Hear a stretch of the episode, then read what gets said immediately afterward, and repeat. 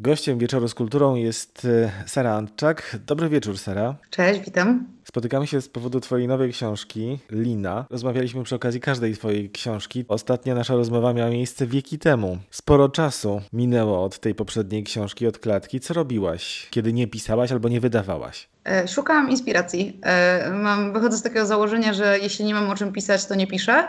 I e, szukałam jakiegoś takiego tematu, który byłby dla mnie takim zapalnikiem, inspiracją. Znalazłam to we wspinaczce. A potem proces pisania książki zajął mi 4 lata, co jeszcze wcześniej do tej pory się nie zdarzyło. Zaczęłam pisać w 2016 roku, ale no, temat okazał się na tyle złożony, skomplikowany i tak bardzo chciałam poznać szczegółowo cały świat wspinaczkowy, że poświęciłam temu 4 lata.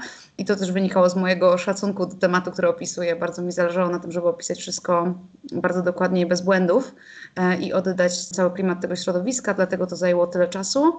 No a potem jeszcze rok redakcji, e, więc łącznie praca nad książką e, no, prawie, prawie 5 lat zajęła. No nie jest to tempo imponujące, zwłaszcza w dzisiejszych realiach literackich, ale teraz już złapałaś ten temat na tyle, że i rytm pracy, że tempo się troszkę zmieni, przyspieszy? Znaczy wiesz co, zależy jak na to spojrzeć. Mówisz, że to nie jest imponujące w czasach, kiedy pisarze, autorzy wydają książki co pół roku na przykład.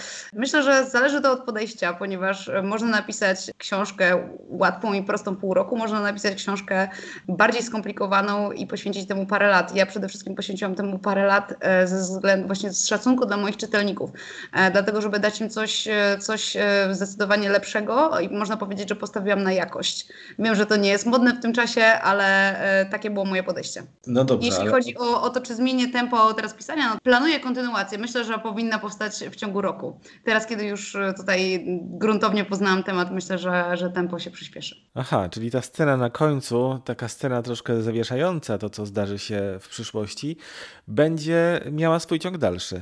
Jak najbardziej, ponieważ no, w takim długim czasie powstała, powiem tak, dłuższa historia, ale uznałam, że to jest bardzo dobry moment, żeby przerwać pisanie, poczekać na reakcję czytelników, czy ta historia ich zaciekawi na tyle, że będą chcieli kontynuacji. E, dostaję bardzo, bardzo, bardzo zaskakująco dużo zapytań o drugą część od czytelników, e, także chyba wszyscy e, jakoś tak wyczuli to w zakończeniu, że jest ten dalszy ciąg już. Mam nadzieję, że ta druga część będzie miała okazję być wydana. Ja już ją piszę w każdym razie. To dobra wiadomość dla wszystkich czytelników Liny. Góry tylko nas przyzywają, od nas zależy, czy odpowiemy na wezwanie, a my podjęliśmy decyzję dawno, dawno temu. Tak kończy się książka Lina, Sary Antczak. Lina przypomniała mi klimat e, zwłaszcza pierwszej powieści, czyli Wolnego i The Clash. Wtedy się spotkaliśmy po raz pierwszy, byłaś młodziutką dziewczyną, jeszcze nie na studiach, jeszcze byłaś licealistką. Ten klimat buntu, skłócenia ze światem, to jest twój klimat. Tak, zdecydowanie wydaje mi się, że w, obecnej rzeczywistości y, ciężko nie być buntownikiem. Ciężko się nie buntować przeciwko temu, co się dzieje dookoła nas, co nas otacza, więc myślę, że ostatnie pięć lat y, też w jakiś sposób. Wydaje mi się, że miałam swój okres wyciszenia, ale że on już zdecydowanie minął. I ostatnie y, kilka lat właśnie to był bardzo intensywny czas. I oczywiście tak, książka jest w pewien sposób kontestacją systemu. Bohaterowie uciekają w górę, żeby uciec od zasad, których nie chcą przestrzegać, które obowiązują tutaj na dole. No i trochę też od siebie, od własnej historii, własnej traumy. Chcą tę traumę wyleczyć, bo Nina i Mikołaj są bohaterami bardzo poharatanymi, młodymi, ale poharatanymi, to nawet w przypadku Niny dosłownie. Tak, bohaterowie przeżyli bardzo traumatyczne e, zdarzenia. W jednym przypadku zawinił trochę system, w drugim przypadku po prostu los. No i właśnie po to są te góry, po to jest ta wspinaczka, ekstremalny sport, żeby się uporać e, z takimi ciężkimi przeżyciami, żeby się wzmocnić i jakoś tak odbudować e, na nowo swoje życie. To jest powieść o dojrzewaniu? Myślę, że tak. Przede wszystkim e, o radzeniu sobie z bólem, takim wzmacnianiu się, bo gdzieś tam się przewija ciągle w książce powiedzenie, że cierpienie hartuje i ból uwalnia. To, to jest w pewnym stopniu też oparte na moich własnych doświadczeniach. Też się wspinam i, i e, widzę, jak dużo wspinanie, czy też bieganie, bo też w ostatnim czasie biegam, jak bardzo pomaga e, na różne kryzysy, różne problemy, jak dużo potrafi rozwiązać. Oczywiście nie chcę tutaj powiedzieć, że sport powinien zastąpić terapię w niektórych przypadkach, ale moi bohaterowie właśnie tak e, decydują. Oni postanawiają, że poradzą sobie sami ze swoimi problemami i radzą sobie poprzez sport i bardzo, bardzo duży wysiłek. Sami sobie narzucają ogromną dyscyplinę i też ryzykują bardzo mocno i to jest dla nich wyzwalające. Nina ma 20 lat, Mikołaj ile? 23. To już Państwo wiedzą mniej więcej w jakim wieku są ci bohaterowie, ale to nie są jedyni bohaterowie tej książki, za chwilę do nich wrócimy.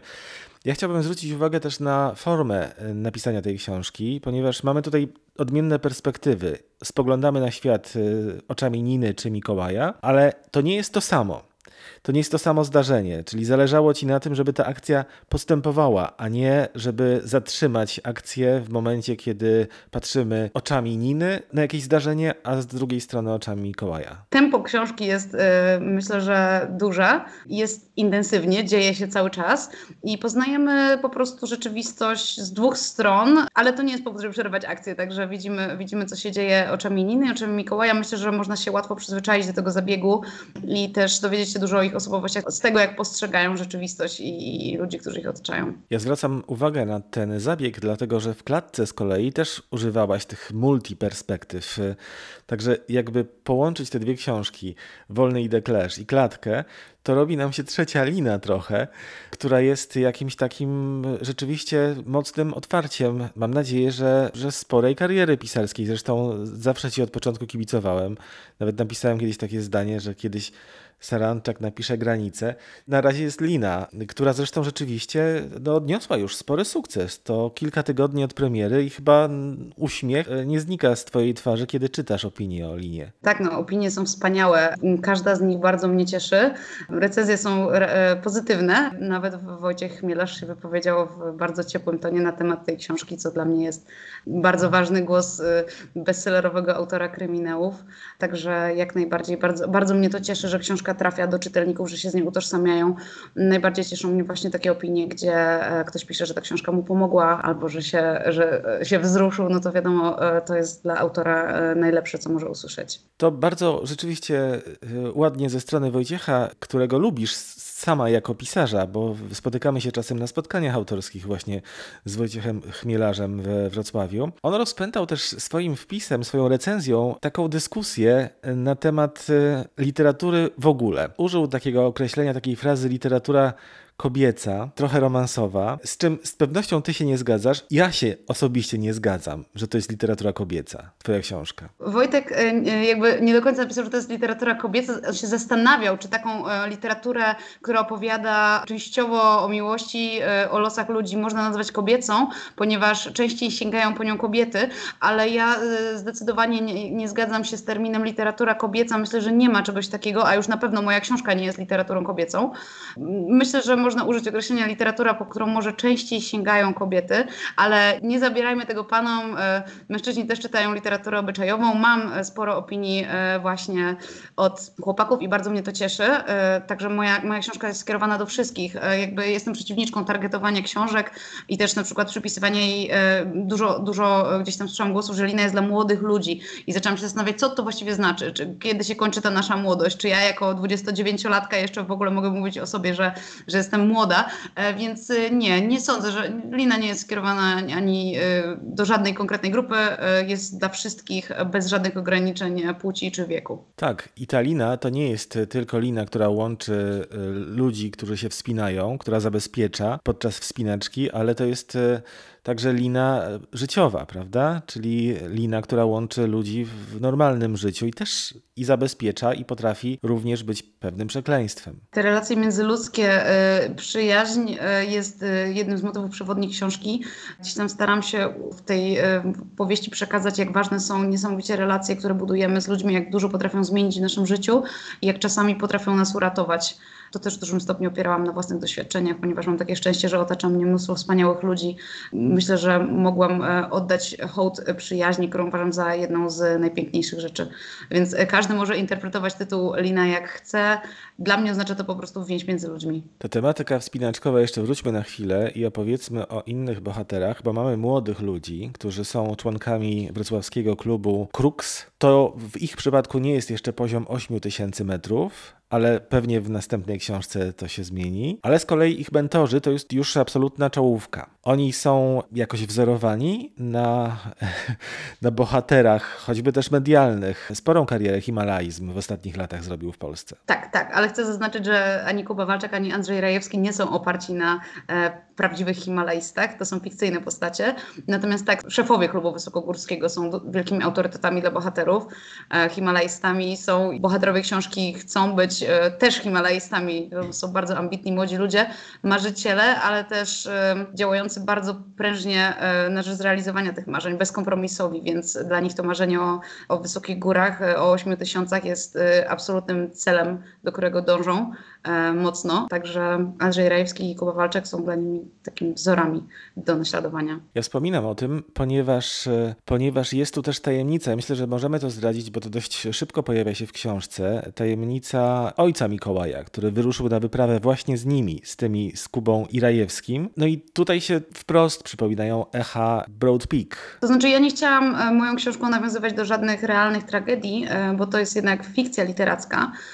Mikołaj stracił ojca w górach i to jest dla niego wielka trauma i przez całą historię próbuje dowiedzieć się, co się stało z tym ojcem, bo to człowieka, który był z nim w tych ostatnich chwilach. Rozwiązanie tej zagadki jest naprawdę jedną, jednym z kluczowych wątków, e, więc wolałabym niczego więcej e, nie zdradzać. No w tej książce zresztą nie do końca tę zagadkę rozwiążemy, więc czekamy na drugą część. Sara, a ty masz takiego idola, alpinistę albo himalaistkę? Myślę, że największym autorytetem dla mnie zawsze pozostanie Wanda Rutkiewicz, której przeczytałam już cztery biografie chyba łącznie. Jest dla mnie najbardziej niesamowitą postacią polskiego himalaizmu. E, A jeśli chodzi o wspinaczy, to e, Alex Honnold z filmu Free Solo. Człowiek, który dokonuje naprawdę niesamowitych rzeczy bez asekuracji, więc to chyba takie pierwsze dwie osoby, które przychodzą mi do głowy, ale oczywiście jest e, mnóstwo innych postaci w świecie himalaistów i wspinaczy, których e, bardzo, bardzo szanuję. A kogo szanujesz, jeśli idzie o świat literacki? Pierwsze nazwisko, które przychodzi mi do głowy, oprócz Wojtka Chmielarza, którego kryminał absolutnie uwielbiam i y, to będzie Kuba Żulczyk, który jest w tym momencie moim y, ulubionym pisarzem. E, bardzo, bardzo lubię też powieści Szczepana Twardocha. E, niesamowicie cenię oczywiście naszą noblistkę Olgę Tokarczuk, e, Dorotę Masłowską. Dużo jest tych nazwisk. Uwielbiam też e, Zygmunta Miłuszewskiego. To chyba jest taka moja czołówka autorów polskich. To jeszcze na koniec chcę zapytać o ten warsztat, ponieważ rzeczywiście z Twoją książką, jeśli ja miałbym e, odpowiedzieć na pytanie, co, co widzę w tej książce, no to jest tempo rzeczywiście narracji i te monologi wewnętrzne bohaterów pisane w pierwszej osobie, które są jednym z najtrudniejszych elementów pracy warsztatu pisarskiego. To podkreślają wszyscy e, pisarze, którzy e, piszą. Trzecia osoba nie jest tak trudna do napisania jak pierwsza właśnie, bo trzeba być wiarygodnym właśnie, trzeba wejść w emocje, ale też zbalansować tę wiedzę narracyjną i wiedzę bohaterów. To się nie pisało łatwo. E, No nie, jednak 4 lata to zajęło, więc e, można tak powiedzieć, że to się nie pisało łatwo. Ja też eksperymentowałam z narracją, próbowałam pisać trzecioosobowej narracji, całkowicie mi to się nie udawało. W końcu wróciłam do mojej e, ulubionej pierwszoosobowej narracji i już poszło łatwiej, dużo łatwiej. Przeżywanie emocji bohaterów dla mnie to nie była ta trudna część, bo ja, ja tak wsiąkłam w tą historię do tego stopnia, że czułam to, co oni, dosłownie. Nie, nie wymyślałam tego, to po prostu samo się, samo się tworzyło w pewnym momencie. Ale zgadzam się z tym, że to jest y, bardzo istotna część książki. y, Te momenty, kiedy bohaterowie się dzielą swoimi wspomnieniami i przeżyciami z czytelnikiem i, i dawkują te emocje, to faktycznie to było tak, powiedziałabym, emocjonalnie bardzo, bardzo trudne i bardzo męczące, bo utożsamiałam się z bohaterami do tego stopnia, że czułam się, jakbym sama to przeżywała. Więc pod tym względem faktycznie tak, to był wysiłek, ale y, no myślę, że, że warty, dlatego że teraz, kiedy czytam, jak bardzo emocjonalnie porusza książka czytelników, to myślę, że warto było w to włożyć tyle wysiłku. Absolutnie tak. Lina, Sara Antczak, wydawnictwo kobiece. Kiedy kolejna część? Masz już tytuł? Tak, mam już tytuł, ale nie wiem, czy mogę go zdradzać, bo to wszystko są umowy z wydawnictwem. E, Natomiast czekam, czekam na decyzję. E, Jeszcze nie mogę podać żadnego terminu.